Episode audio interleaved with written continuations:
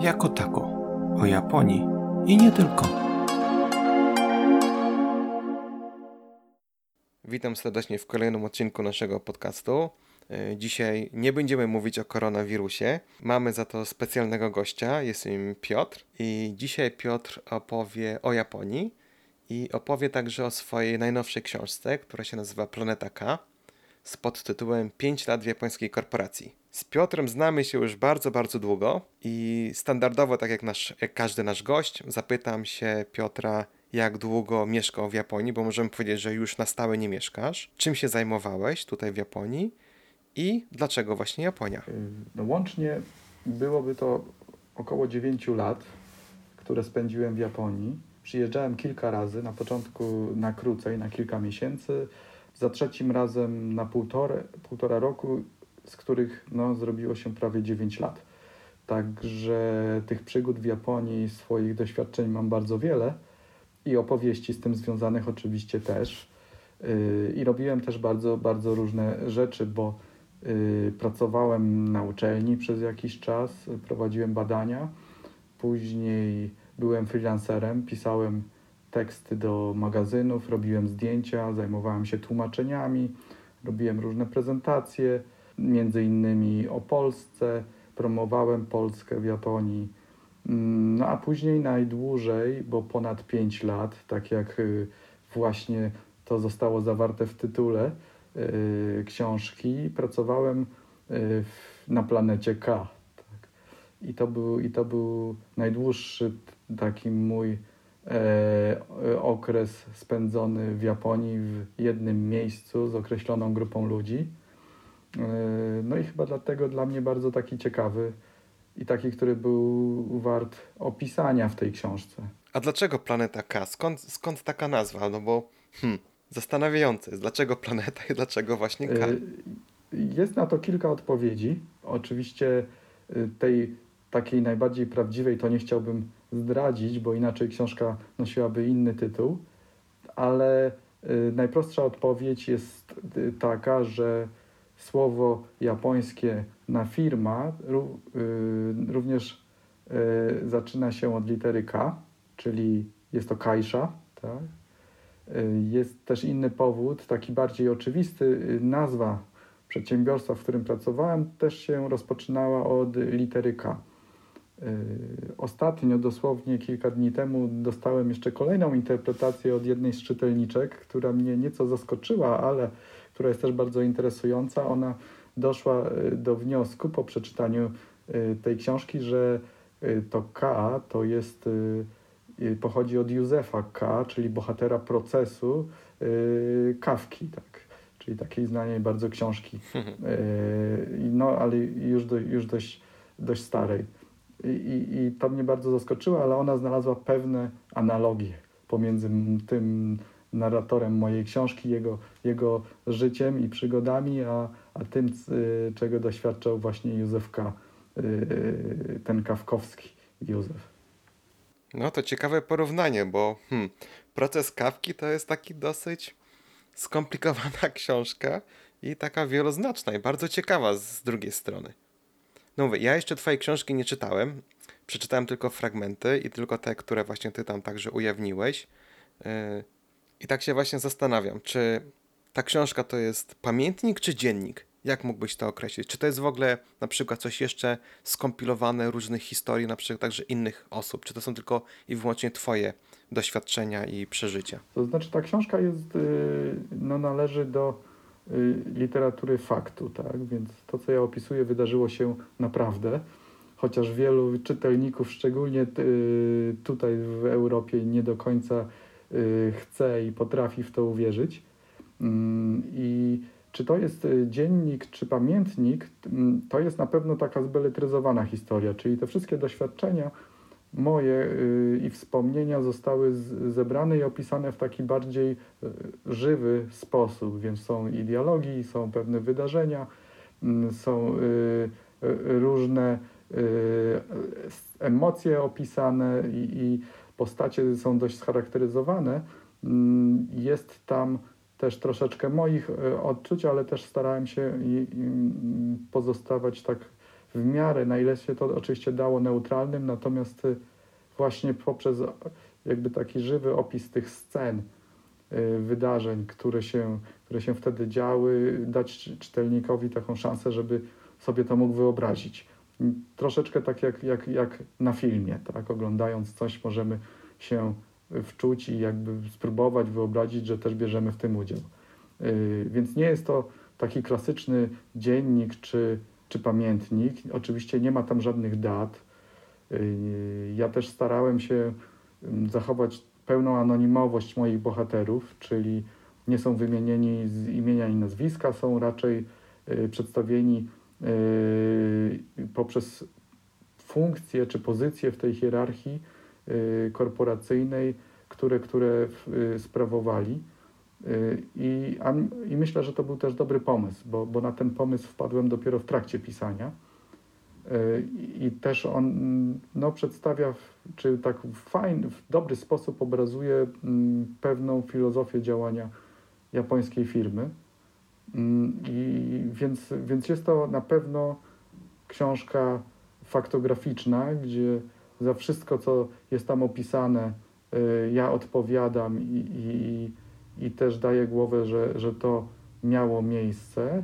Natomiast y, no tak napisana, przynajmniej tak się starałem, z takim nerwem i, i troszeczkę też y, tak, żeby, żeby czytelnik, czytelnika nie zanudzić, a żeby się od czasu do czasu mógł pośmiać, czasami zdziwić, czasami przetrzeć oczy, czasami mm, też się może troszeczkę zezłościć czy zdenerwować, albo poczuć współczucie tak, dla, dla narratora. No to ciekawe, bo twoja książka miała premierę 26 lutego, czyli nie tak dawno temu. E, Ja szczerze mówiąc e, sprawdziłem w sieci, jakie są opinie i generalnie same pozytywne opinie. Jedna to chyba czy dwie osoby tylko mówiły, że bardziej podobały się e, jej e, twoje inne książki, no bo to nie jest twoja pierwsza książka. E, I to było takie ciekawe, że właśnie część osób ciężko właśnie miała z tym problem, tak jak powiedziałeś, uwierzyć, że to się rzeczywiście wydarzyło. Dlatego chciałem się spytać, czy właśnie mniej więcej w jakich latach to się działo, czy, czy, czy to tak, że jest jakieś e, ukryte? Nie, nie chciałbyś tego zdradzać. To jest oczywiście y, ukryte, nie jest opisane, natomiast y, można się uważny, czy mniej nawet uważny czytelnik może się domyślać, dlatego że jest tam opisane wielkie trzęsienie ziemi, tsunami, katastrofa w elektrowni atomowej w Fukushimie, czyli 2011 rok. Tak? Więc jest taki, takie pewne Punkt zaczepienia. tak, ważne historyczne już wydarzenie, które ma określoną datę i które jest rozpoznawalne. Tak? Więc to jest y, okres oczywiście kilku lat poprzedzających y, ten, ten moment i, i, i, jak, i, i też no, jeszcze pewnego czasu po tym, tym wydarzeniu. Okej, no to rzeczywiście mamy jakiś taki punkt zaczepienia konkretny, czyli to nie było aż tak bardzo dawno temu. To na szczęście nie jest aż tak bardzo dawno temu, więc y, myślę, że y, zmiany, które od tego czasu zaszły, nie są aż takie głębokie. Można to czytać jako, jako książkę y, współczesną i, i myślę, że jeszcze bardzo wiele firm y, działa na podobnych zasadach jak, y, jak ta moja, którą opisałem i wiele, wiele osób y, ma okazję, żeby doświadczyć podobnych, po, no, doświadczyć podobnego, co ja doświadczyłem właśnie w tej firmie. A co, jeśli jeszcze tak mogę tylko nawiązać do Twojego pytania, no, te, tych- te, ta grupa czytelników, która zna mnie z poprzednich książek i przyzwyczaiła się do, do mojego stylu i sposobu pisania z poprzednich książek, oczywiście myślę, że też y, to y, zrozumie, mm, że ta książka jest inna. Ona jest z, założenia inna, ona jest też inna tematycznie, bo poprzednie książki, w tym też książka o Japonii, y, były to książki, w których opisywałem swoje podróże. Natomiast no, ta książka to jest ta książka, w której bardziej opisuję swoje przygody i to nie jest już taka typowa, klasyczna podróż, to jest bardziej taka próba też opisania sposobu działania pewnego systemu, tylko w te, właśnie w taki zbeletryzowany, nieco lżejszy, nie naukowy sposób. Bo właśnie część osób y, wspominało, że y, czuć takiego y, Bruczkowskiego w tobie. Nie wiem, czy to jest. Akurat ja lubię bardzo Mariusza Byszkowskiego i jego książki są takie właśnie lekkie i przyjemne. Jak myślisz, miałeś jakieś takie inspiracje od, od Bruczkowskiego właśnie? Ja oczywiście Marcina Bruczowskiego znam i to osobiście, tak? On, on y, też po wielu latach w Japonii, wielu doświadczeniach wrócił y, do kraju, mieszka tutaj, tutaj powstały jego książki. I, I takie stwierdzenia przyjmuję jako duży komplement, bo jego książki są cenione, popularne, mają słucha, y, swoich czytelników do dzisiaj, pojawiają się recenzje i, i ja te książki również czytałem i czytałem je y, często, no, nie umiejąc się powstrzymać od, od, od uśmiechu czy nawet śmiechu. Więc y, pewne analogie na pewno są, chociaż oczywiście jeśli chodzi o styl, to na pewno no, troszeczkę się różnimy. A ile czasu ci zajęło napisanie tej książki? Tak, ten proces oczywiście, bo to jest dość długi proces. y, Samo pisanie y, jest tylko jego małą cząstką, tak, bo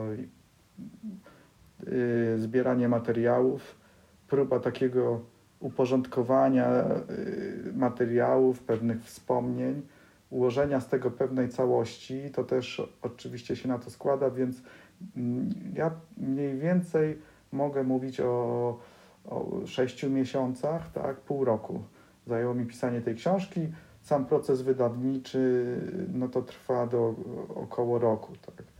Więc, więc y, ten pomysł tej książki no, ma już ponad rok, a to takie mm, twarde pisanie, praca nad książką, redakcja, korekta, no to jest, to jest pół roku. Okej, czyli jakby całościowo można powiedzieć, że prawie dwa lata. No tak, może, może od, od, od tego pierwszego pomysłu, że taka, że taka książka mogłaby powstać, yy, rozmów z wydawcą, czy byłby zainteresowany, jego pozytywnej opinii, później kilku spotkań, gdzie przedstawiałem swój pomysł, gdzie rozmawialiśmy na ten temat i później zbierania materiałów, yy, no to, no to jest, mm, tak myślę, że z półtora roku na pewno, tak. Ja też przy tej książce nie, yy, nie musiałem na szczęście się jakoś specjalnie śpieszyć yy, i pracowałem w swoim tempie, przy okazji oczywiście zajmując się też innymi sprawami, więc, więc to nie jest jakieś wzorcowe takie tempo pisania.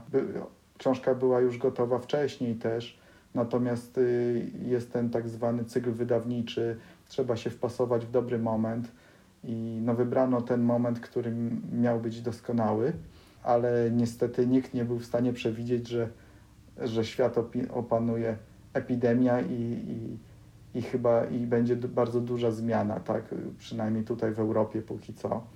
Y, Więc no, półtora do dwóch lat trwało od pierwszego pomysłu, od takiej myśli, że może napiszę o tym książkę, do momentu, kiedy pojawiła się ona w księgarniach. Okej, czy to jest jakby y, normalny okres pracy? Bo ile na przykład twoje poprzednie książki mniej więcej, ile musiałeś czasu poświęcić? Ja myślę, że to był podobny okres, może troszeczkę nawet dłużej, yy, ale wynikało to też z tego, że yy, nieco ponad rok wcześniej ukazała się moja poprzednia książka. Także przez jakiś czas byłem zajęty promowaniem poprzedniej książki o Islandii. Yy, Wiadomo, że w, w takim momencie te prace nad nową książką yy, toczą się dużo wolniej, one są zepchnięte na dalszy plan. Więc, y, więc poprzednie książki no, powstawały mniej więcej w, w, tak, do, od pół roku do roku. Tak. Ta książka być może y, zajęła nieco więcej czasu, ale nawet nie samo pisanie, co, co, co przygotowanie, zebranie materiałów y, i później już same te prace redakcyjne. Okej. To jeszcze wracając do mojego pytania z początku. y, Jak to się stało, że trafiłeś do Japonii właśnie i dlaczego Japonia? No to jest oczywiście takie trudne pytanie, dlatego że nie ma jak jednej takiej bardzo konkretnej y, przyczyny, którą mógłbym wskazać i powiedzieć, że to jest właśnie dokładnie to. Y, Jest, y, jak byłem w Japonii właśnie przez dłuższy czas, przez kilka lat i spotykałem osoby, no to ktoś kiedyś powiedział, że no ty masz taki, e, jak to Japończycy mówią, engar, czyli masz jakąś taką skłonność do Japonii, czy coś, co cię z Japonią łą- łączy, czy takie przeznaczenie, tak? I oczywiście to jest bardzo fajnie sobie tak myśleć, że to przeznaczenie za, y, zaprowadziło mnie do Japonii. Była też taka bardziej prozaiczna przyczyna. Ja jako student y, y, trafiłem y, do Niemiec na uniwersytet i tam odbywałem praktykę w, w niemieckiej firmie. No i z różnymi perypetiami trafiłem y, do hotelu, gdzie poznałem, jak się okazało, Japończyka, y, który był, który był pracownikiem niemieckiej firm, fi, firmy w Tokio, oddelegowanym do centrali, właśnie do Monachium, na, na takie dłuższe szkolenie. I poznałem go, bardzo się zaprzyjaźniliśmy, chociaż oczywiście ze względu na y, pracę widzieliśmy, widywaliśmy się mm, tylko co jakiś czas, co któryś dzień. No i on na końcu, y, kiedy ja już się stamtąd wyprowadzałem, y, powiedział, że jakbym kiedyś chciał przyjechać do Japonii, to nie mam się o nic martwić, po prostu mam dać mu znać.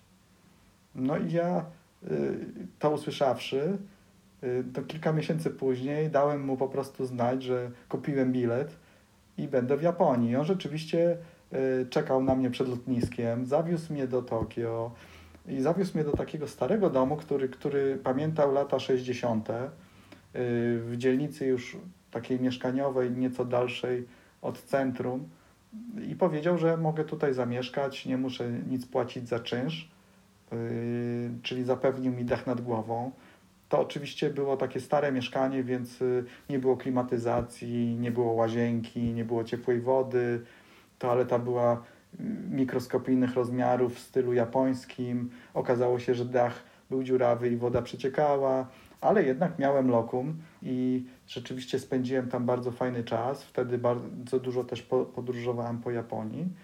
No i jakby ta pierwsza moja książka japońska, właśnie opisująca tą, tą, tą przygodę, jest też poświęcona temu mojemu przyjacielowi z Tokio, mm, który już teraz wrócił, wrócił do Japonii, yy, ale cały czas mamy ze sobą kontakt.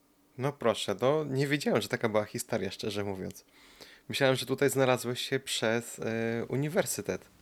To, była, to był ten trzeci wyjazd, ale to już był ten wyjazd właśnie taki bardzo zorganizowany, gdzie, gdzie wszystko już było zaplanowane i, i przez półtora roku nie musiałem się martwić ani o środki finansowe, ani o pracę, bo, ponieważ miałem y, tutaj ją zapewnioną. Mm, I to był ten wyjazd, po którym zdecydowałem się zostać na dłużej. Okej, i trafiłeś do takiej typowo japońskiej firmy? I trafiłem do takiej, jeśli tak można powiedzieć, oczywiście, bardzo konserwatywnej y, firmy, która no, była największą firmą w swojej dość wąskiej dziedzinie, nie tylko w Japonii, ale też na całym świecie. Mm, To była firma przemysłowa, produkowała maszyny, które były używane później do produkcji różnych części dla przemysłu motoryzacyjnego, dla przemysłu elektronicznego, dla, dla wielu innych gałęzi przemysłu. I rzeczywiście w tym, co robiła, była nie tylko największa, ale też, mm, tak moim zdaniem, najlepsza na świecie. Ale przy tym też była niestety dość droga, tak? I, i, no i była to firma, gdzie pracowało 600 osób. Ja byłem jedynym obcokrajowcem, więc y, no, byłem dla nich taką osobliwością. I chociaż firma współpracowała y, z kontrahentami z zagranicy, to zwykle odbywało się to bardziej przez y, jakichś pośredników, agentów albo przez inne japońskie firmy, które już miały większe doświadczenie właśnie we współpracy z, z zagranicą, a ja miałem być taką osobą, która umożliwi to tej firmie K, żeby y, działać skuteczniej, lepiej y, na rynku na początku europejskim, no a później to zajmowałem się i rynkiem chińskim, i tajskim, i indyjskim, i, i, i wieloma innymi, także y, no dużo się w, tym, w, ty, w ciągu tych pięciu i pół roku działo. Nieźle. I na jakim byłeś stanowisku? To zaczęło się tak, że od, od przynoszenia herbaty i pomagania innym miałeś jakiegoś takiego swojego mentora, czy cię jakoś y, wrzucili bardziej na jakąś głęboką wodę? Nie, ja byłem zatrudniony inaczej niż y, standardowy japoński pracownik, który zwykle wchodzi do japońskiej firmy zaraz po studiach, tak? Stara się o pracę jeszcze na studiach, a potem y, zaraz po skończeniu uniwersytetu wchodzi do firmy i jest takim, taką y, białą, czystą tablicą, którą się dopiero zapisuje, wykuwa i, i, jakby kształtuje i wychowuje.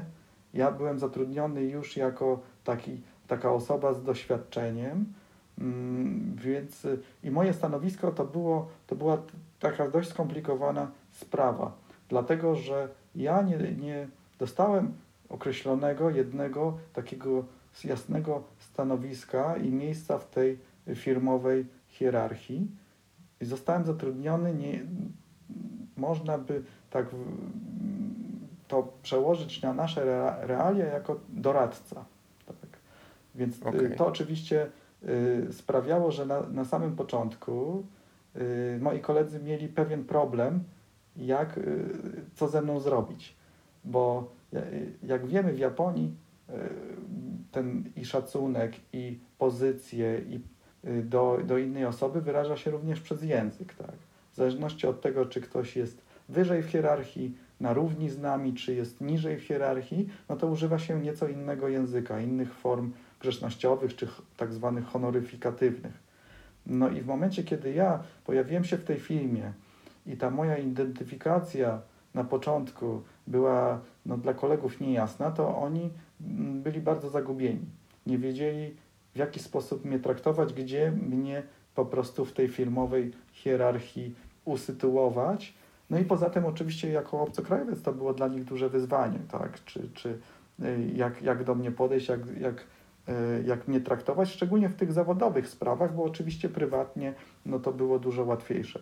Więc na początku y, był taki pewien dystans i y, stosowanie takich dość wyszukanych form grzecznościowych, czyli y, no, zabezpieczanie się na wszelki wypadek. Później jak się poznaliśmy, no to oczywiście ja musiałem się wkomponować do tej firmowej hierarchii, więc nad sobą miałem cały zarząd, y, dyrektora, y, mojego takiego bezpośredniego przełożonego kierownika no, i, i koledzy w zależności od stażu byli, byli bądź na równi ze mną, bądź, bądź niżej w hierarchii, ale rzeczywiście do samego końca wielu z nich zachowywało taki dość duży dystans, także właśnie w sposobie mówienia. Tak?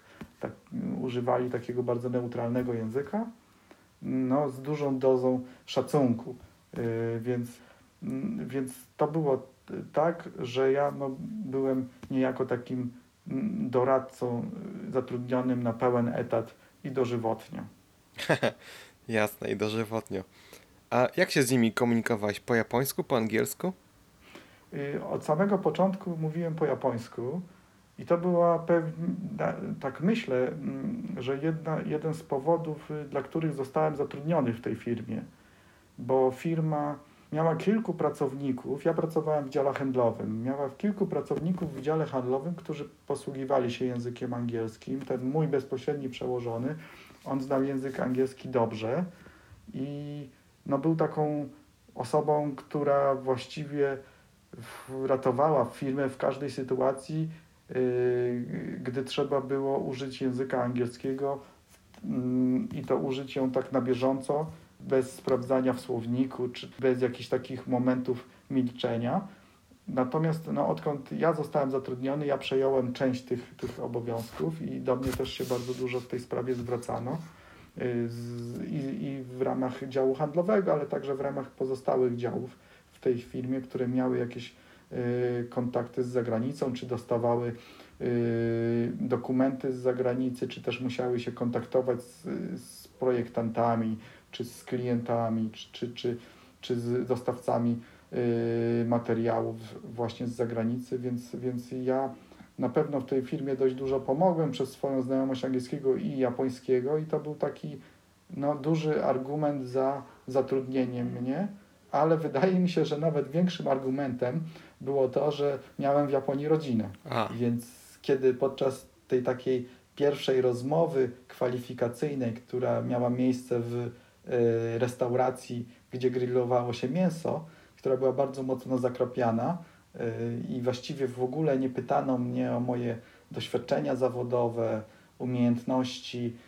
Kiedy ten y, przyszły pracodawca, dyrektor dowiedział się, że mam japońską żonę, no to już był bardzo w niebo wzięty, od razu y, y, zamówił naj, najlepszy alkohol i, i jakby tak to był chyba taki, taki, taki argument, który go też przekonał, żeby mnie później zaprosić y, do centrali, mm, zapoznać z prezesem firmy, no i, i później już dalej zatrudnić. No to kurczę, z tego co teraz powiedziałeś, to w zasadzie moglibyśmy się zamienić miejscami, bo moja historia jest bardzo podobna. Ja z kolei, gdy przeszedłem do teraz do mojej obecnej firmy, prawie 9 lat temu, także takiej typowo japońskiej firmy, u mnie było troszeczkę więcej, było prawie 3000 osób. E, Wtedy byłem także jedynym obcokrajowcem. Później jeszcze doszedł drugi mój kolega i było nas dwóch obcokrajowców jako pierwszych w ogóle w tej firmie od która istnieje na rynku już tam od 50 lat, y, gdzie zatrudniono właśnie obcokrajowców. Y, Nas zatrudniono z tego powodu właśnie, żeby być takim łącznikiem pomiędzy światem angielskim, a właśnie a japońskim. I gdy tylko weszliśmy do firmy, zorganizowano taką imprezę. Ja nie wiedziałem dokładnie, co to jest za impreza. Y, To było dosłownie kilka dni, jak żeśmy dołączyli do firmy. To była taka impreza, gdzie z, całego, z całej Japonii zbierali się dyrektorzy oddziałów, regionów i jacyś tam jeszcze e, różnym szczeblom, czyli od, od niżej do wyżej. I była taka wielka impreza na 300 osób w dużej restauracji, scenie, więc e, ja mówię, no trzeba iść się socjalizować, zobaczymy w ogóle co tutaj chodzi. Także wiele osób, tak jak u ciebie, nie miało pojęcia jak się do mnie zwracać, bo także nie wiedzieli jako kto jestem, w której pozycji w tej hierarchii, w którym drzewku, pod kim jestem. Więc e, wszyscy byli tacy bardzo e, ostrożni w słowach. Oczywiście ci, którzy tam e, byli odważni, a później tam po kilku piwach angielski ich się polepsza, więc próbowali, starali się wypróbować swój angielski na mnie. No i nagle światło zgasło, dwa reflektory poszły na mnie i na kolegę i tutaj proszę wyjść na scenę i się przedstawić, powiedzieć parę słów. Więc e, kolega no, znał o wiele lepiej japoński niż ja, więc on tam e, z się ręką wypowiedział, co tam mu do głowy przyszło. Ja z kolei e, byłem po nim, powiedziałem także parę słów, tylko właśnie w moją stronę poleciały pytania. I jedno z nich było, czy mam japońską żonę. Więc ja mówię, że tak. Więc był wielki aplauz na sali i tak jak mówisz, jakby to przełamało takie jakieś lody, że jednak już nie ma co się go bać, nie? że jednak ma tą japońską żonę, więc już jest ok. No mój kolega, który był Hindusem, miał e, hinduską żonę, więc w jego strony nie było aplauzu, chociażby tak śmiesznie brzmiało. Ale ja doskonale rozumiem, co, e, co ty przeżyłeś i jak to wyglądało, więc e, moje początki były zupełnie tak samo. To jest takie właśnie ciekawe, że mówię, nie czytałem twojej jeszcze książki, ale z tego, co tutaj teraz mówisz i co czytałem te fragmenty, no to zupełnie zgadzam się i podpisuję pod tym. I to było takie właśnie hmm, zastanawiające się, że jednak mamy takie same wspomnienia, a pracowaliśmy w zupełnie innej firmie. Tak się jeszcze właśnie zastanawiam, czy jak właśnie dołączyłeś do firmy, jakie były takie właśnie pierwsze mm, twoje wrażenie? Bo ciężko jest moim zdaniem zrozumieć, jak Japończycy się zachowują w firmie. Bo tak jak mówisz, prywatnie jest prywatnie, ale służbowo już jest inaczej. Jak wyglądały te twoje pierwsze meetingi? To znaczy, Pamiętasz coś, coś takiego, nie wiem, co cię zszokowało na samym początku? na, na, na pewno przez pierwsze kilka tygodni, jeśli nawet nie miesięcy, y, ja cały czas czułem, że byłem obserwowany, tak, w taki dość dyskretny oczywiście sposób. Y, Przyglądano mi się w, mm, w różnych sytuacjach i oczywiście ja też podpatrywałem kolegów, y, słuchałem co mówią, mm, też próbowałem jakby się odnaleźć w tej, w tej sytuacji. Taki, taki duży szok na samym początku. Mm, może to nie jest taki duży szok, natomiast rzeczywiście dla mnie było, było y, pamiętam, ja zostałem zatrudniony we wtorek y, i ten pierwszy tydzień no, spędziłem na taki, taki, pierwszy dzień właściwie nic nie, nie, nie miałem do roboty, tak, więc siedziałem przed komputerem niemal cały dzień i tak y, z jednej strony było, było mi dość tak trudno zapytać przełożonego, bo oni wszyscy sprawiali wrażenie bardzo zajętych y, o zadania, Mm, a z drugiej strony oni też jakby zupełnie nie zwracali na mnie uwagi, więc tak było dla mnie taka sytuacja niejasna, ale w każdym razie później zaraz jednak no, znalazłem swoją pracę, zadanie do wykonania i każdy poniedziałek odbywały się zebrania działu. I to było, poniedziałek był najważniejszym dniem tygodnia, dlatego że zbierali się wszyscy y, pracownicy działu, y, łącznie z całą dyrekcją i każdy wygłaszał mm, no, taką kilkuminutową y, przemowę, w której przedstawiał swoje osiągnięcia, to, co zrobił w poprzednim tygodniu, następnie to, co planuje na, na ten tydzień, który się właśnie zaczynał, no i też jakieś swoje własne uwagi, wskazówki, yy, przemyślenia, jeśli miał. No i, i, i to było kilkudziesięciu, ponad 30 pracowników, którzy jeden po drugim wygłaszali takie kilkuminutowe mm, mowy. One były wszystkie bardzo podobne. Mm, No i ja zauważyłem podczas już tego pierwszego zebrania, że kilku z kolegów po prostu zwyczajnie drzemie. Tak. Yy, Nikt tego je- nie zauważał, a myślę, że po prostu nikt nie pokazywał, że tego zauważa.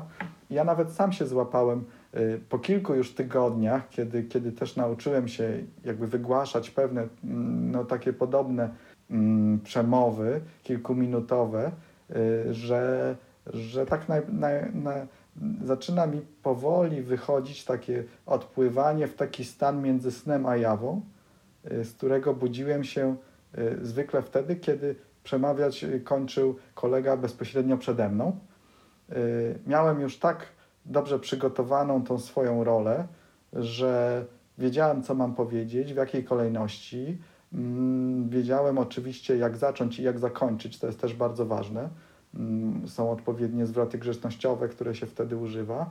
Na tyle, że moi przełożeni byli no, zadowoleni z tego, co ja mówię i też chyba zadowoleni z tego, że się dopasowałem do tego stylu, który tam panował. Tak, to zajęło na pewno kilka tygodni, czy nawet dłużej. To nie było takie łatwe, y, ale no, właściwie do samego końca ja do, nie wiedziałem, dlaczego my musimy wszyscy wiedzieć dokładnie, co który z nas robił w poprzednim tygodniu, czy co planuje na następny tydzień, szczególnie jeśli obsługiwaliśmy zupełnie innych klientów, niepowiązanych ze sobą. No i te zebrania trwały naprawdę długo, tak? To było czasami ponad dwie godziny na takie zebranie, czasami nawet dłużej. No ale była to taka y, stały, był to taki stały rytuał y, w tej firmie i myślę, że jest w bardzo wielu firmach. I to było tak na początku, tak. Y, Takim może nie tyle szokiem, co, co dla mnie mm, było to dość trudne do zrozumienia i zaakceptowania, był taki wymóg, że wszyscy pracownicy y, ubierają się w stroje służbowe, kiedy są w centrali. O, to miałeś takie uniformy, tak? Tak, ja miałem no, taki de facto mundurek, tak, czy mundur nawet można powiedzieć. On oczywiście y, nie wyglądał tak jak mundur wojskowy, natomiast miał, miał, miał określony kolor, krój. Te, te stroje zapewniała firma. Pierwszy komplet był za darmo, ale dru za drugi już trzeba było zapłacić połowę ceny, połowę dopłacała firma. No i to był i ten, i ten sam y, strój był przewidziany zarówno dla pracowników na produkcji, czyli robotników w fabrykach, jak i dla y, pracowników działu handlowego i, y, i działu projektowania i wszystkich innych działów, administracji i tak dalej. Jedyną osobą, która była zwolniona z tego obowiązku, był prezes. Prezes to była jedyna osoba, która chodziła w cywilnym ubraniu Mm, i nawet y, miałem taką sytuację już, już po kilku miesiącach pracy. Wyjechałem w delegację do Europy, wróciłem po miesiącu i zaginął bagaż. W bagażu miałem strój firmowy. Wróciłem do firmy, oczywiście zgłosiłem, że bagaż zaginął, a w, nim mój ten strój służbowy. Y, Byłem w garniturze, więc bardzo elegancko ubrany. I pomimo to zostałem wezwany niemal natychmiast do działu administracji, y, żeby się wytłumaczyć, dlaczego nie mam stroju firmowego. Przyjęto do wiadomości to, że bagażu nie mam. Po kilku godzinach y, y, zadzwonił telefon, y, czy bagaż jeszcze nie dotarł, bo ciągle nie mam stroju firmowego. On nie dotarł. Następnego dnia Mm, Wciąż nie było bagażu, więc poszedłem do, do pracy. Y, Znowu, znowu zostałem wezwany do działu administracji z takim pytaniem, czy przypadkiem bagaż nie dotarł i, i nie zapomniałem y, ubrać się w ten strój firmowy. No i w końcu w, w, południe ten strój dotarł. Oczywiście bagaż dotarł do firmy, więc z działu administracji pierwszej chwili, od razu jak tylko y, kurier dostarczył moją walizkę, to zawołał mnie i kazał mi się przebrać. Y, Mimo to, że była przerwa obiadowa, że, że mogłem to zrobić y, za chwilę, ale jednak było to bardzo ważne, żeby wyglądać tak samo jak wszyscy, żeby się niczym bez jak powodu nie wyróżniać. Tak? I było to dla mnie wtedy takie bardzo trudne do zaakceptowania, i, bo, bo wydawało się mało racjonalne i, i logiczne, natomiast no, dla nich było to niezwykle ważne. Tak? Ja byłem człowiekiem y, firmy K i musiałem wyglądać tak, jak wszyscy inni pracownicy tej firmy. No to ja mam odwrotnie to. y, W mojej firmie takie spotkania są we wtorki rano. Część osób, tylko że u nas to się stoi, bo także zauważono, że część osób sobie podsypia, więc y, zmieniano to, że wszyscy stoją. I jest taka, nie wiem jak u ciebie to było, ale u nas był taki, znaczy jest ciągle taki wielki open space, których ja nienawidzę w Japonii. Tam jest, y, w tym wielkim open space jest chyba 7 czy 8 działów, więc rano wszyscy 9.05 y, osiem działów w podgrupkach najpierw każdy siedzi i y, zaczynają od wrzeszczenia Ohio gozaimasu, czyli dzień dobry, po prostu się trzeba wrzeszczeć i później jedna osoba wydelegowana mówi coś tam właśnie, tak jak mówisz, jakieś przemówienie, opowiada co tam e, robiła, co tam dział robi i co tydzień ta osoba się zmienia. Więc to nie jest tak, że każdy jedzie, e, opowiada swoją historię, tylko jedna jakaś tam wyznaczona osoba. E, Szef także coś tam powie albo nie, na sam koniec jakiś komentarz.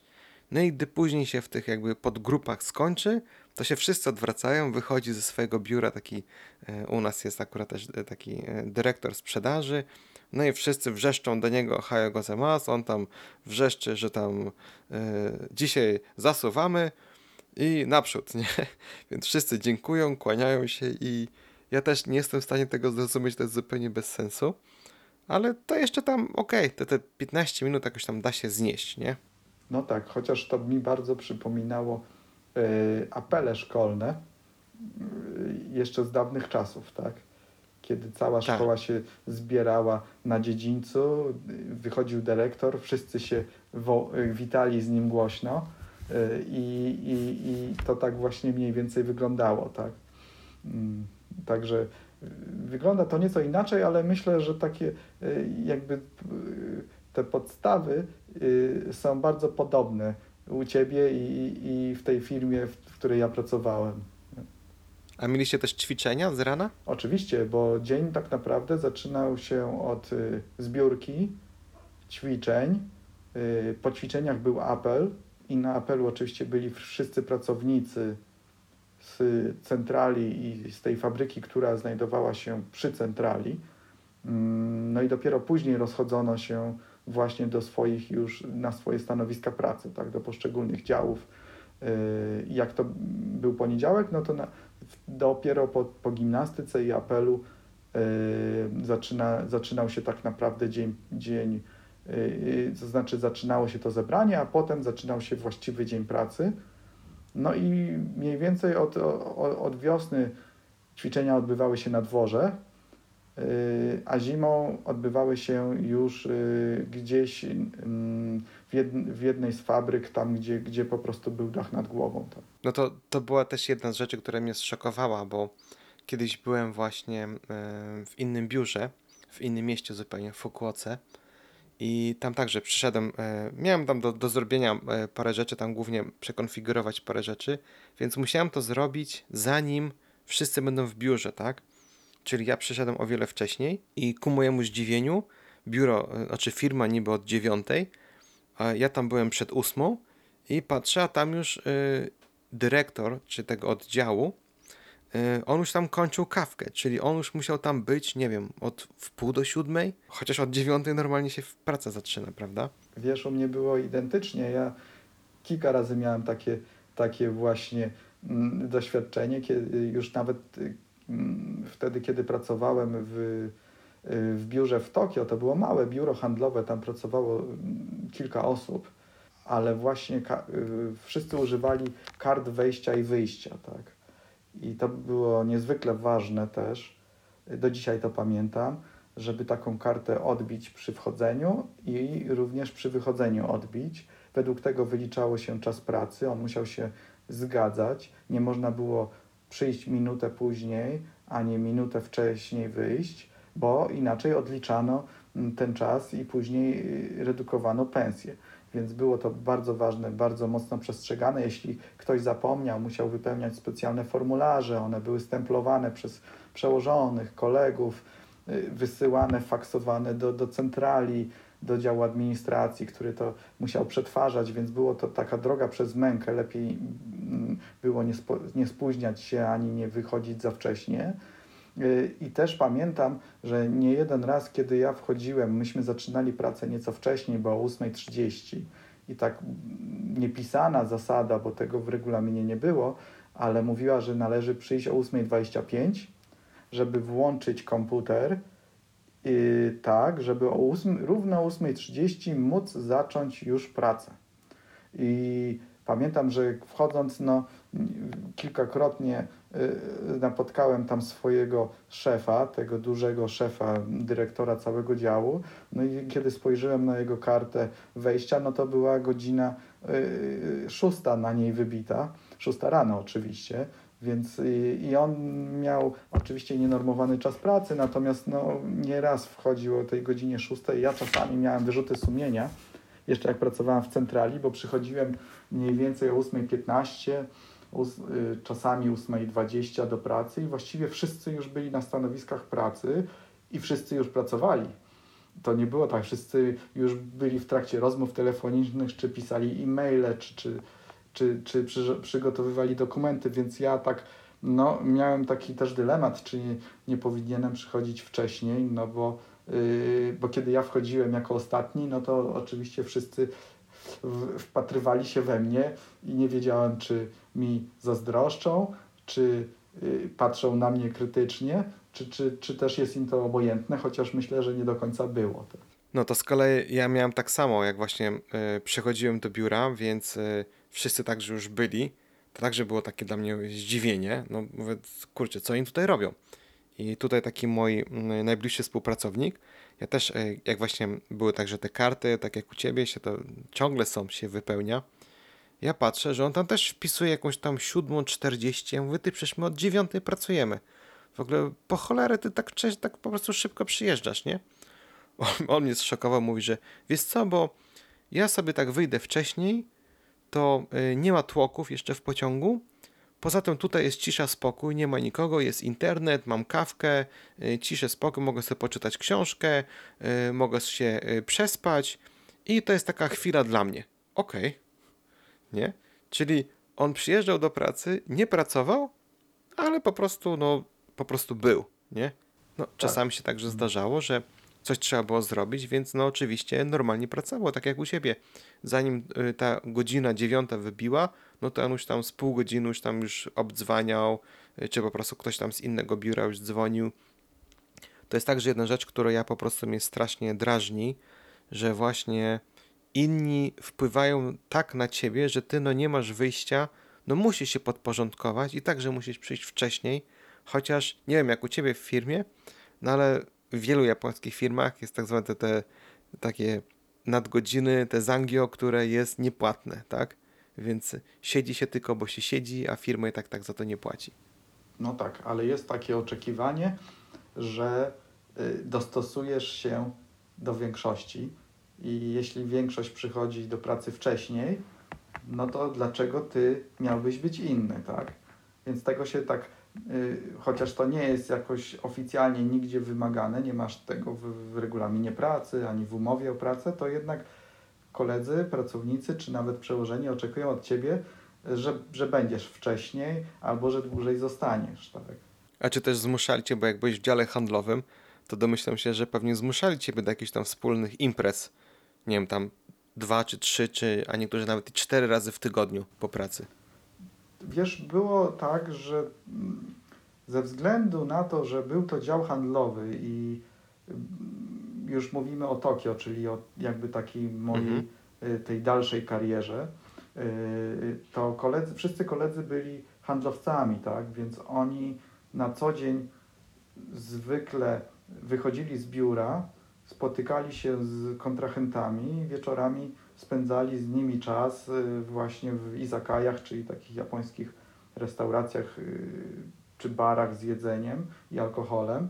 Mm, Więc te imprezy takie firmowe odbywały się mniej więcej u nas raz na dwa tygodnie, tak? Kiedy y, i rzeczywiście no, było takie oczekiwanie, nawet wymóg pewien, chociaż nigdy nie był on wprost wypowiedziany, żeby w tym brać udział, tak? Żeby wszyscy brali w tym udział.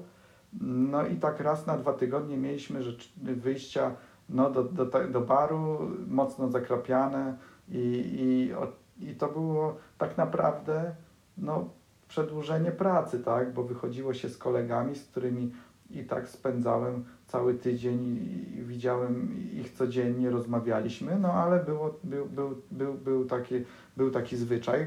W innych firmach działo się to jeszcze częściej, tak? W innych działach było to częściej, w niektórych firmach raz w tygodniu, w niektórych firmach dwa razy w tygodniu, a też y, wiem, że to troszeczkę zależy od przełożonych. Jeśli są przełożeni, którzy bardzo lubią się socjalizować, y, lubią życie towarzyskie, albo na przykład, to tak troszeczkę mówię y, zabawnie, ale to też jest prawda, jeśli mają niezbyt ciekawą sytuację w domu i, i, nie, i wcale nie chcą wracać wcześniej do domu, czy chcą wracać jak najpóźniej, to y, niektórzy moi znajomi japońscy trzy razy w tygodniu mają takie właśnie firmowe wyjścia, czy w większej grupie, czy w mniejszej, no i potrafią wracać do domu naprawdę bardzo, bardzo późno. Tak, z tego powodu i to nie ze względu na sam nakład pracy duży, tylko, tylko właśnie ze względu na to, że no, przełożonemu czy koledze nie można, czy nie wypada odmówić i należy z nim y, udać się do lokalu i spędzić y, czas wieczorem po pracy. Ja to szczerze mówiąc, y, także u mnie w firmie było podobnie. Był taki jeden z dyrektorów, który na siłę po prostu łapał kogo mógł z takiej łapanki i no jemu nie szło odmówić. I także były takie akcje, tylko że on tak potrafił właśnie codziennie. No i to było straszne. I ja też później się właśnie dowiedziałem, tak jak mówisz, że on miał tam jakąś, jakąś ym, strasznie taką mm, niezbyt wspierającą go żonę, więc on stwierdził, że on wychodzi jak ona jeszcze śpi, a wraca jak już śpi. Więc takie to było małżeństwo. Więc to zgadzam się, rzeczywiście są też tacy, y, tacy y, osobnicy. Z kolei druga moja koleżanka, y, która też była w dziale handlowym, w takiej właśnie typowej japońskiej firmie, no to ona mówi, że ona po dwóch tygodniach nie dała rady. Po dzień w dzień z czasami zdarzały się takie akcje, że nawet nie wracała do domu, czy po prostu całą noc balowali do rana. E, jedynie tylko tam, e, mówię, gdzieś kupiła w kombini coś tam się, żeby się umyć, odświeżyć. E, I kolejny dzień był tak samo i następnego wieczora było to samo. I ona się śmiała, że zanim zdążyła wytrzeźwieć, no to już była pijana.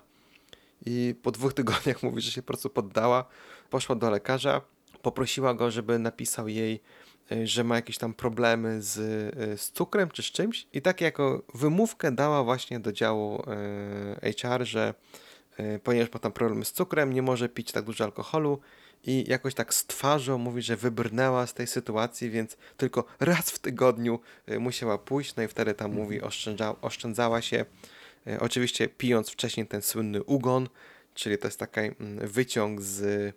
Co to jest ugon? Z To imbiru. Tak, z imbiru. korzenia, z, z, z korzenia żeńszenia. A, żeńszenia, tak. Tak. To Mhm. w Japonii jest bardzo wiele takich różnych mieszanek, które wspomagają właśnie organizm przed wielką imprezą. y, Głównie przed, są także i po, no ale Tak. głównie przed. Tak, tak, tak. No ja też czasami zdarzało mi się rzeczywiście y, szukać ratunku w takich y, eliksirach. I no one są powszechne, nie? One są wszędzie, w każdym kiosku, przy wejściu na stację, przy wyjściu ze stacji, tak żeby każdy w, w sklepach całodobowych, których jest w Japonii mnóstwo, na każdym rogu ulicy, szczególnie w dużych miastach. Y, I tak, żeby każdy no, mógł się poratować, bo y, myślę, że to natężenie y, takich imprez, czy firmowych, w, gro, w gronie kolegów, czy też takich z, imprez z, z kontrahentami, z partnerami z innych firm, jest na pewno bardzo, bardzo duże. I ta ilość spożywanego alkoholu chyba też jest duża, naprawdę duża. Ja pamiętam, że y, dość trudno w Japonii się odmawia. Tak, trzeba zwykle mieć jakiś bardzo konkretny pomysł, y, powód i sama na przykład rodzina to nie jest jeszcze taki powód, który by przekonywał kolegów czy przełożonych, że mm, usprawiedliwiał cię przed nimi, żeby na przykład y, podczas jakiejś y, takiej imprezy y, nie pić alkoholu, że trzeba mieć zwykle taki powód po prostu zdrowotny, tak? I, i, i wtedy najlepiej jeszcze, tak jak mówiłeś, z zaświadczeniem od lekarza, tylko, że oczywiście no to jest informacja prywatna, więc de facto trzeba dzielić się wynikami badań po to, żeby być zwolnionym z takiego obowiązku i taka osoba też często jest już później trzymana na taki delikatny, ale jednak dystans, tak? że już nie do końca pasuje do tej naszej wspólnoty, bo już jest nieco inna, już się trochę inaczej zachowuje. Tak? Y, ja miałem też takie doświadczenia, chociaż w mojej firmie było akurat tak, że ja po jakimś czasie już potrafiłem odmówić, czy jakoś to zamienić w żart, czy, czy, czy, czy, yy, czy mm, też po prostu y, danego wieczoru mniej, mniej pić, a poza tym no, jednak moi koledzy handlowcy często oni marzyli o tym, żeby tą godzinę dłużej spać, czy żeby właśnie nie pić alkoholu, tylko napić się zwykłej wody, czy herbaty, czy, czy, czy czegoś innego, bez, bez, bezalkoholowego. I więc akurat u nas takiej dużej presji podczas tych takich regularnych spotkań nie było. Natomiast podczas y, wycieczek firmowych albo takich imprez już firmowych, dużych, okolicznościowych, jak y, pożegnanie roku czy przywitanie nowego roku, no to rzeczywiście wtedy no, był, był, był takie Mm, no, zwyczaj, że tutaj nikt się nie oszczędza. No to się zgadza. Ja szczerze mówiąc nie byłem jeszcze na żadnej wycieczce firmowej, bo zawsze miałem e, coś do zrobienia i to była... To jest chyba też tak, że jedyna wymówka, która działa, to jest taka, że mam już coś w kalendarzu wpisane o wiele wcześniej i to jest coś na przykład, co pracuję, coś robię dla firmy. Tak. Także to jest jedna z wymówek, która przechodzi u mnie, że nie muszę jechać na przykład na jakąś imprezę. Nigdy nie byłem na takiej imprezie. A ty wspominasz dobrze takie imprezy? To było jakieś, nie wiem, kilkudniowe? Wiesz, wycieczki pracownicze, y, rzeczywiście ja na kilku byłem i no wspomnienia mam oczywiście y, mieszane, nie? To, y, dlatego, że z jednej, one z jednej strony przypominały właśnie takie wycieczki szkolne, więc załoga wsiadała do autokarów, był opracowany bardzo taki szczegółowy program. Poruszaliśmy się od jednej miejscowości do drugiej, zwiedzaliśmy zabytki, japońskie parki, zamki, dzielnice gejsz i na końcu zawsze dojeżdżaliśmy do hotelu, który mieścił się w, w, lokalnych cieplicach, czyli takich gorących źródłach i w takim hotelu, w sali bankietowej odbywał się, odbywało się to wielkie przyjęcie. No i następnego dnia była druga, druga część, czyli yy, zwiedzanie mniej więcej do, do wczesnego popołudnia i powrót, i powrót yy, już do domu, czyli zajmowało to dwa dni. Yy, zawsze zaczynało się w poniedziałek rano, kończyło w sobotę po południu, w sobotę wieczorem. Yy, I przepraszam, w piątek zaczynało się i kończyło w sobotę. I ten piątek to był oczywiście to był dzień wolny, ale który był zabierany z, y, z urlopu każdego pracownika. Tak? I nie można było na taką wycieczkę nie pojechać, jeśli nie, nie było właśnie konkretnego powodu, i to mógł być jedynie jakaś poważna choroba, śmierć w rodzinie, albo zobowiązanie właśnie wynikające z pracy, czyli jakiś wyjazd w delegację, czy ważny test maszyny z ważnym klientem, naprawdę ważnym, y, inaczej no jednak na taką wycieczkę trzeba było pojechać. Jakby dla mnie, no z jednej strony była to doskonała okazja, żeby poznać troszeczkę Japonii, mm, zobaczyć takie miejsca, do których bym pewnie nie trafił. Yy, Z drugiej strony też świetna okazja, żeby przypatrzeć się mm, no, Japończykom w takich nieco jednak mniej formalnej sytuacji i to kolegom, czyli osobom, które, które no, widziałem na co dzień, znałem y, lepiej. Y, Ale z drugiej strony no, było to takie dość też mm, doświadczenie wymagające, dlatego że po pierwsze y, rzeczywiście nadużywano wtedy alkoholu. Mm, Po drugie, ja też miałem takie y, doświadczenie, że na pierwszej wycieczce już to było, to zostałem zatrudniony mm, w marcu, y, natomiast y, w maju pojechałem na wycieczkę i y, krótko przed wycieczką zostałem poinformowany, że y, podczas tego uroczystego bankietu, najważniejszej, najważniejszego punktu programu całej wycieczki, ja będę musiał wygłosić przemowę i też zamknąć ten bankiet. I to jest taka ważna funkcja y, i rola do spełnienia, więc y, no, musiałem sobie przygotować jakieś takie przemówienie. Ono miało standardowy, bardzo taki standardowy, standardową treść y, w- z jednej strony, czyli musiałem zacząć od podziękowań prezesowi i jego żonie, y, dyrektorom, później wszystkim kolegom za, za tą wspaniałą, niepowtarzalną możliwość wyjazdu na wycieczkę, za to za doskonały program, niesamowite wrażenia, naukę, którą y, y, dzięki temu wyjazdowi pobrałem i tak dalej, i tak dalej. Musiałem oczywiście zachwalać y, ten, to miejsce, do którego trafiliśmy, zachwalać swoją firmę, mm, y, menu podane podczas kolacji, y, no i życzyć wszystkim, wszystkim dobrej zabawy. No i to było takie no, y, nie, niełatwe doświadczenie dla kogoś y, takiego jak ja, który pracował w firmie bardzo krótko. Właściwie poza kolegami z działu handlowego to mm, nikogo jeszcze nie znał, a występowałem przez, przed ponad setką y, pracowników. Oni oczywiście wszyscy mnie już znali z, z widzenia czy ze słyszenia. No i, i ten wzrok ponad 100 osób z całym kierownictwem, z prezesem wpatrzony we mnie mm, i no, wyczekujący y, na, na tą moją przemowę, słuchający z dużą uwagą, wyłapujący wszystko, co powiem. Musiałem też coś powiedzieć zawsze takiego zabawnego i to nie było, to nie było takie proste, wymyśleć coś, co, co rozbawiłoby publikę, więc y, no, było to takie z drugiej strony y, doświadczenie, no, które było dla mnie przynajmniej za pierwszym razem y, no, dość, dość stresujące.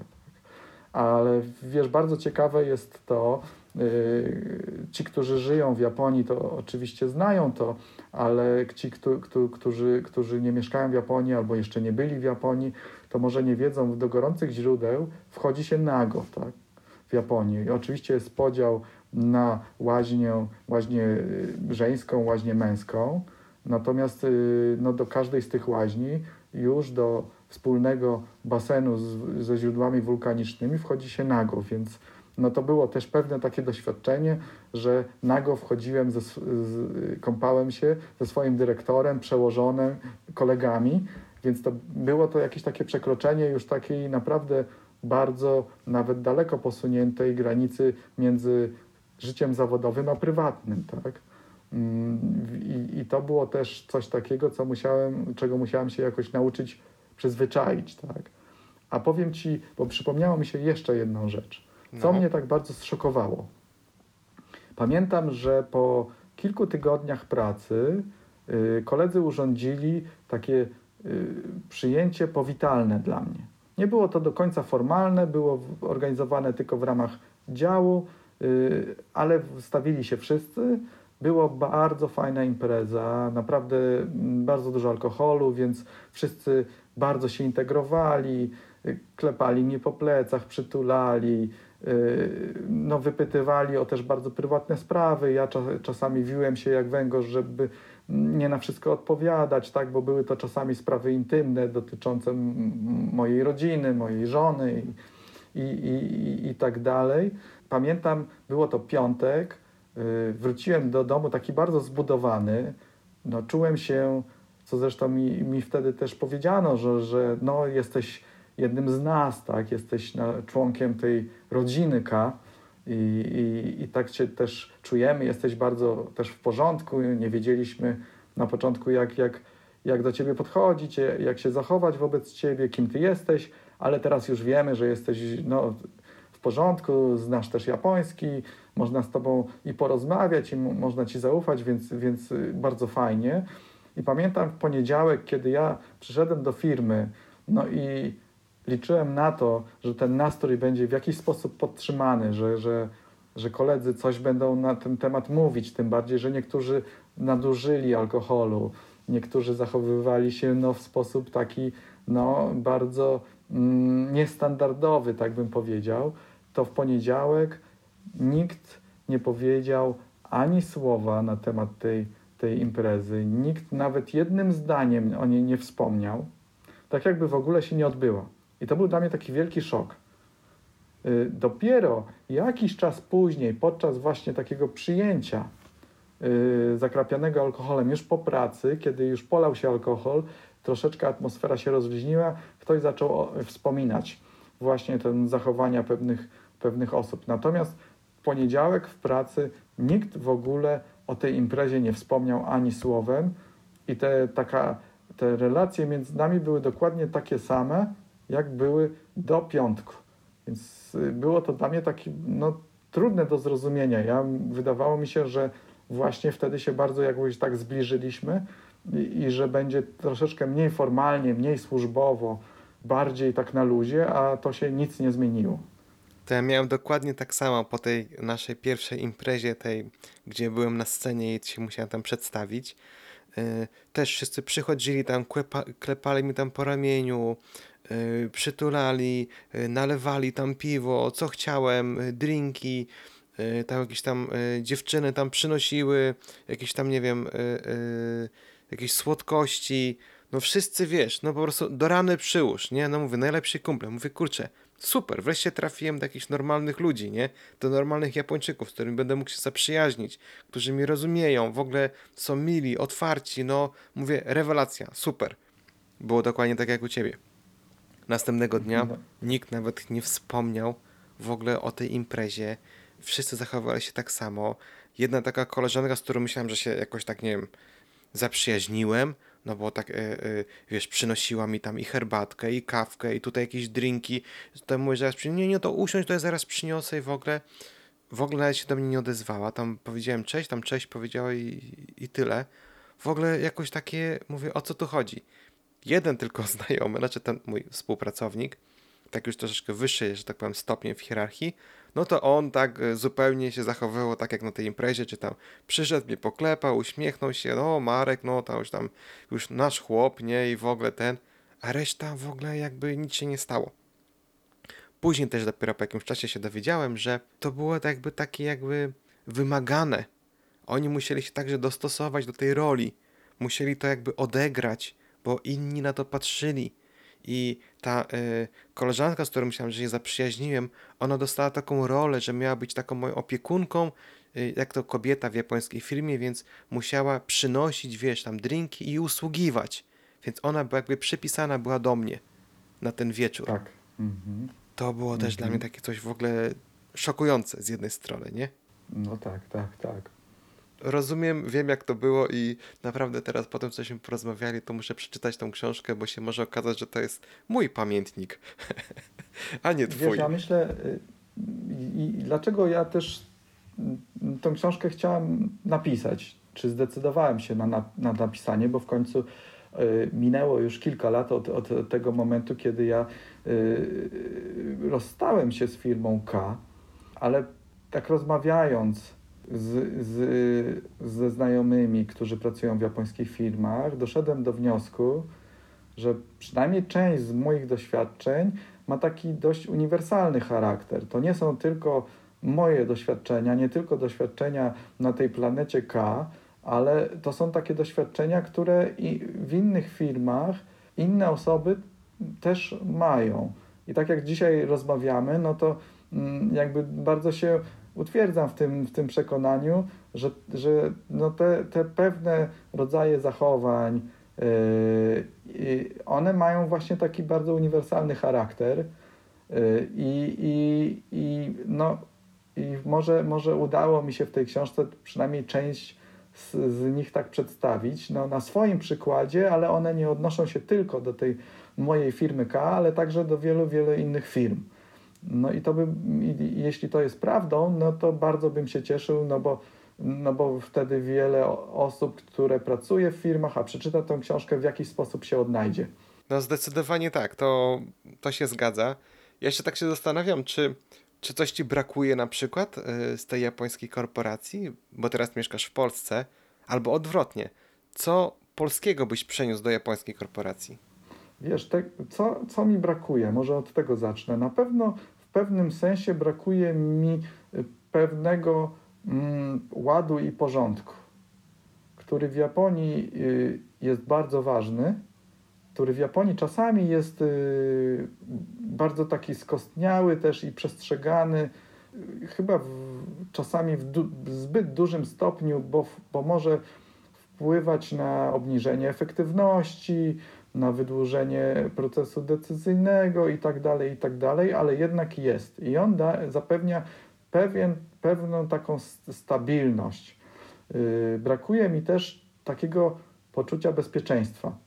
I ono oczywiście wynika też z pewnego y, takiego zaufania pomiędzy pracownikiem a pracodawcą.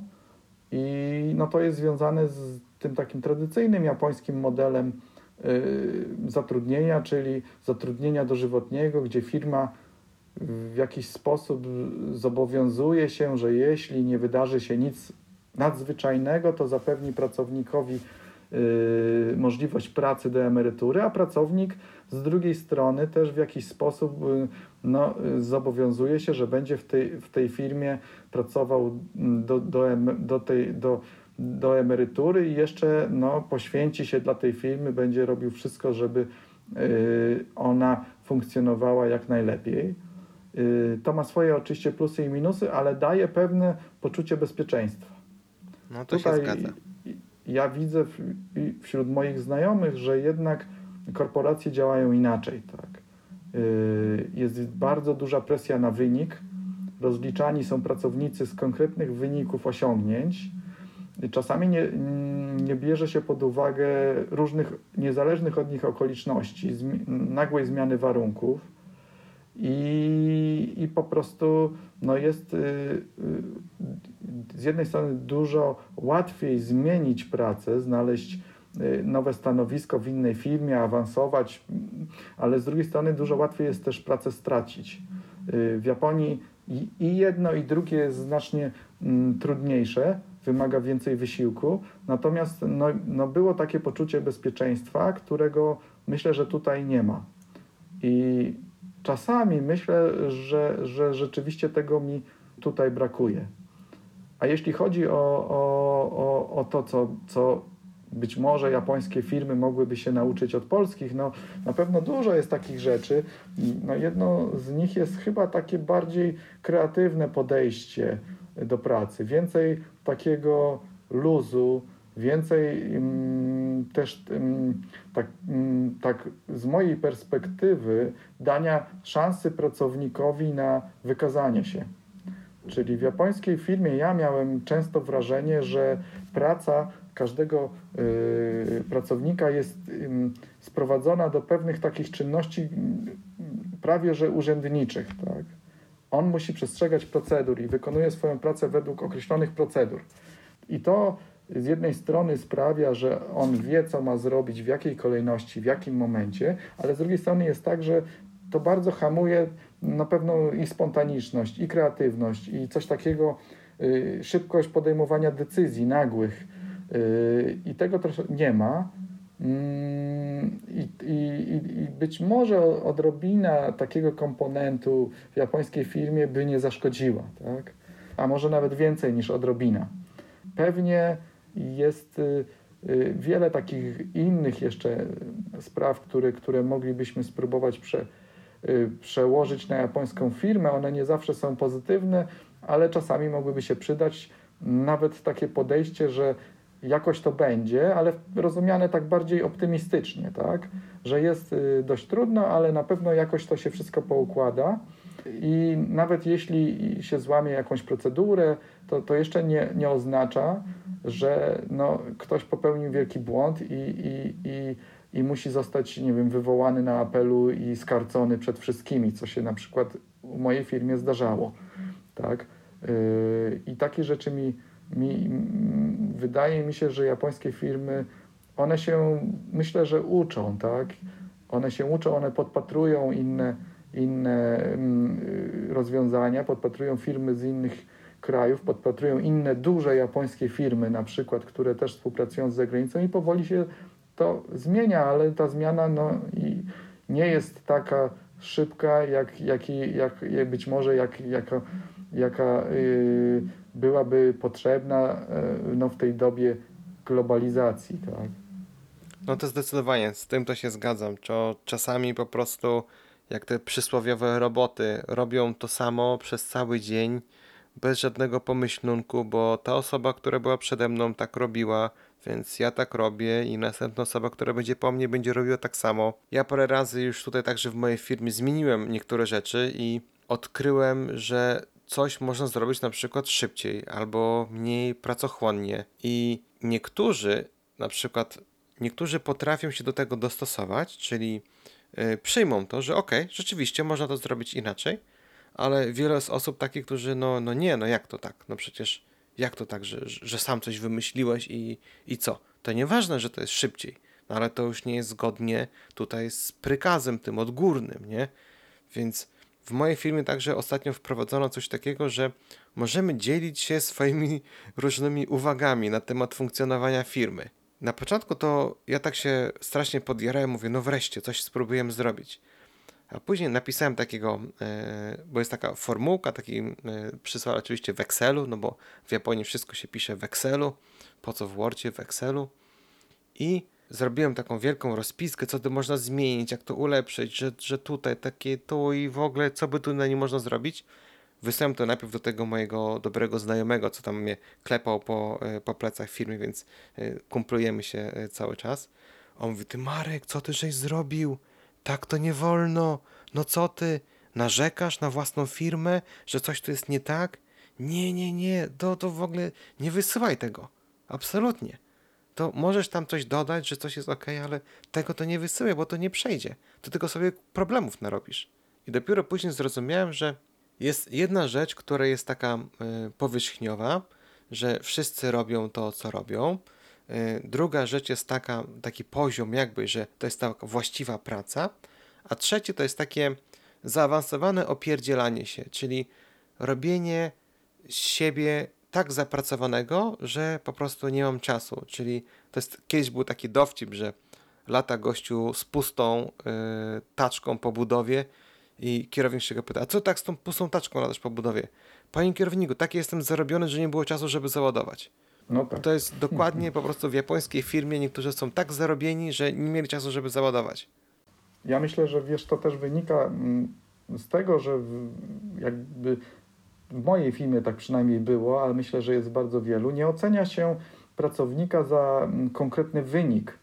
Raczej ocenia się za wysiłek y, i trud, jaki poniósł.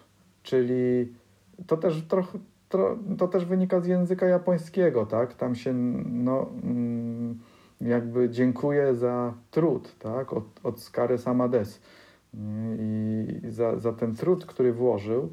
Więc nawet jeśli coś się nie powiedzie, a ktoś się bardzo starał, no to to jest jakby do przełknięcia. Tak? I oczywiście, jeśli są zaangażowani pracownicy, i większość takich jest, no to y, pracują ciężko, czasami im się coś udaje, czy zwykle im się coś udaje, czasami się nie udaje. No i, i, i to jest jakby no, standardowe. Natomiast zdarzają się pracownicy, którzy no, te, ten system wykorzystują, czyli y, mówiąc tak bardzo potocznie, obijają się, tak? albo udają, że bardzo ciężko pracują, podczas gdy no, de facto niewiele robią. I, i, I rzeczywiście, no i oni też są tak czasami traktowani y, no, z naszej perspektywy ulgowo, tak? Im się to wybacza, bo bardzo się starali. I, i oczywiście, y, jeśli się starali, a się nie udało, to było do zrozumienia. Natomiast no było, było, było, było y, miałem też takie wrażenie, był, miałem, był taki kolega w biurze, gdzie wszyscy wiedzieli, że on mm, no, miga się od tej pracy właściwej, jak powiedziałeś, natomiast no, ciągle był bardzo zajęty, ciągle sapał, yy, narzekał, jak ma dużo pracy, że już nie wyrabia, zostawał po godzinach. Yy, a podczas gdy myśmy wszyscy wiedzieli, że on tak właściwie tą pracę no, symuluje mm, i, i, i, i pomimo to on cały czas pracował, tak? Jemu rzadko ktoś tam jakąś rzucił aluzję, oczywiście przełożony, że, że właściwie to się zdarzyło chyba tylko raz i to była sytuacja, która była ewidentnie y, z jego winy, a tak to no, on po prostu sobie tam niby pracował. No to myślę, że wielu jest takich pracowników i czasami taka nadmiarowość pracowników właśnie w działach, czasami naprawdę nie wiem, nie mam pojęcia czemu to służy, bo nieraz jest tak, że na w dziale jest jakaś osoba, która tak naprawdę nic nie robi, a cała praca tej osoby wykonuje na przykład jakiś, no nie wiem, podwykonawca.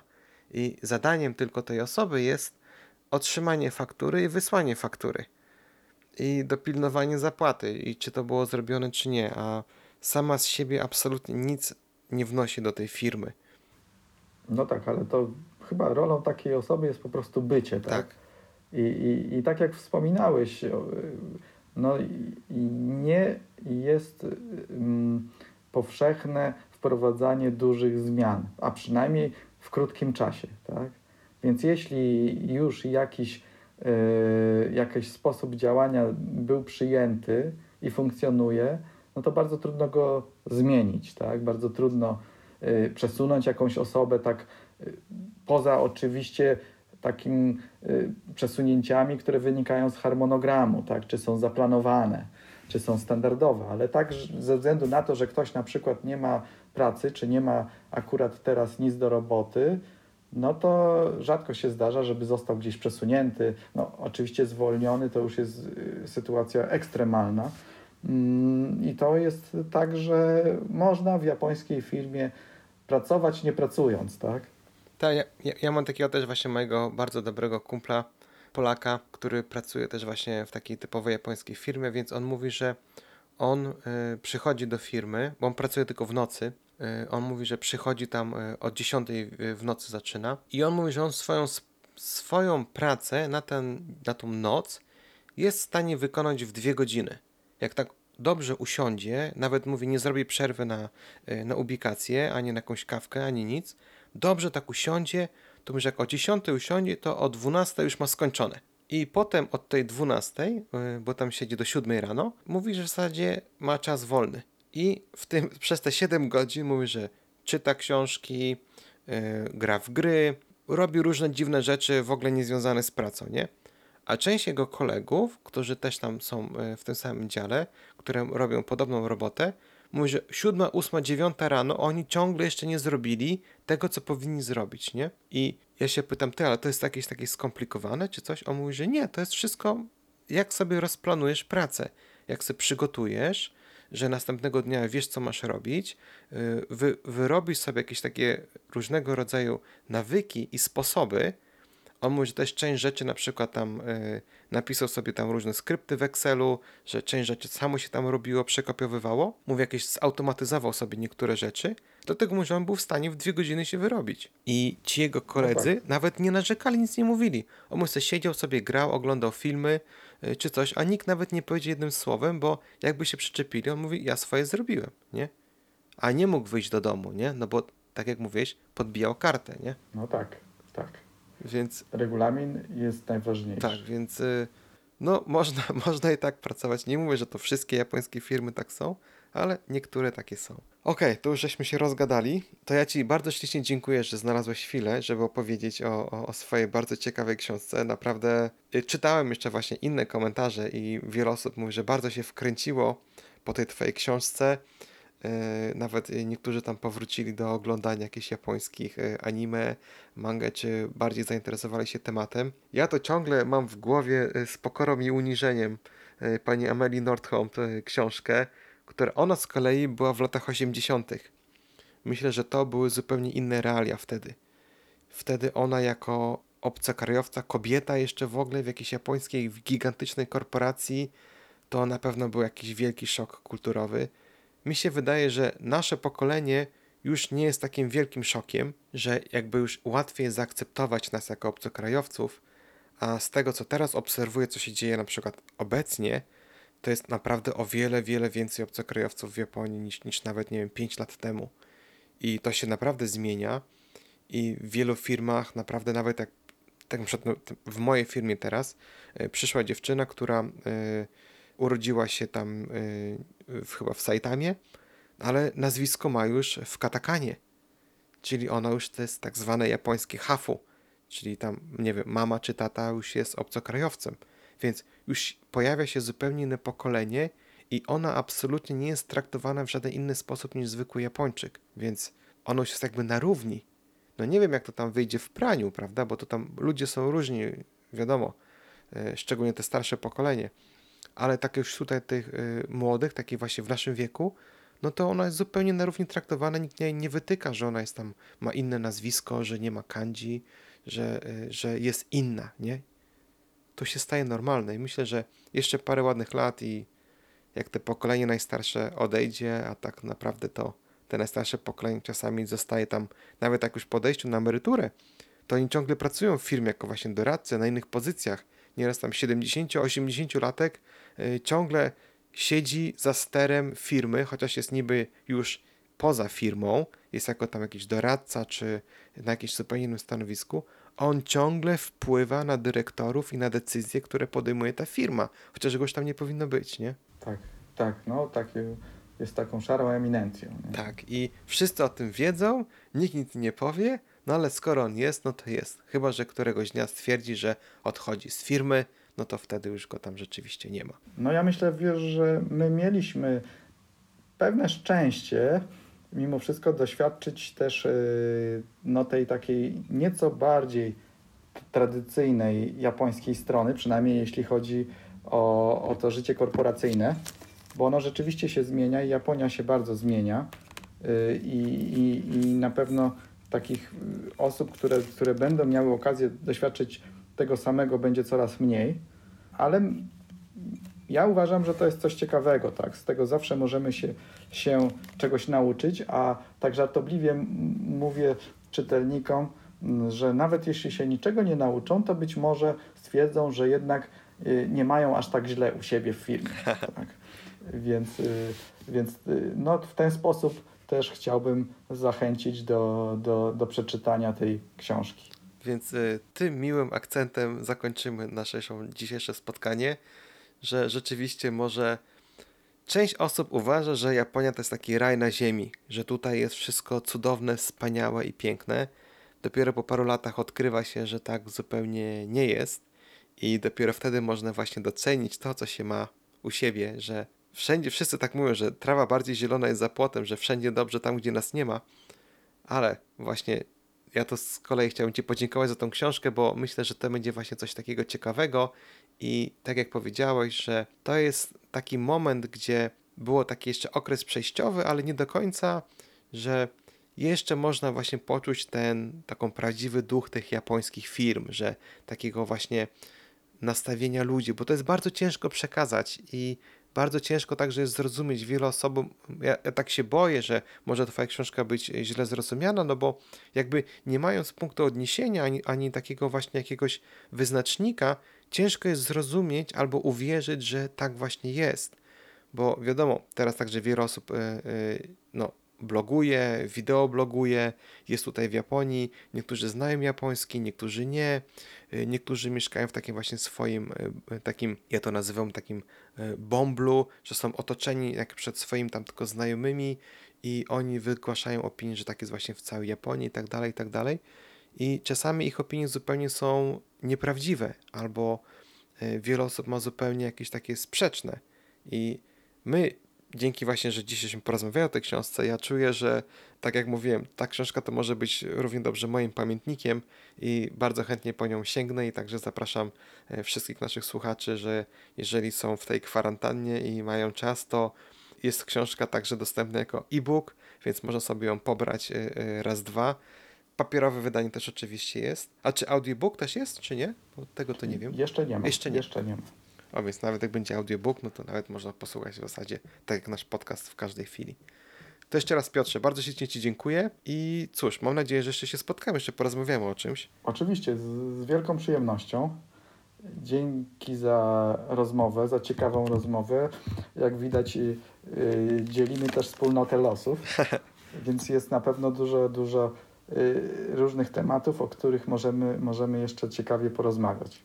Jasne, to ślicznie dziękuję i do usłyszenia. Do usłyszenia, wszystkiego dobrego. Pozdrów y, rodzinę, pozdrów Japonię od, od y, z kolegi z, y, z dalekiej Polski. Tak też zrobię, no bo właśnie tak się uśmiecham, bo obydwa mamy żonę Japonki, więc pozdrowienia są zupełnie inne, nie? Yy, Okej. Tak. Ślicznie dziękuję w takim razie i do usłyszenia ponownie. Do usłyszenia.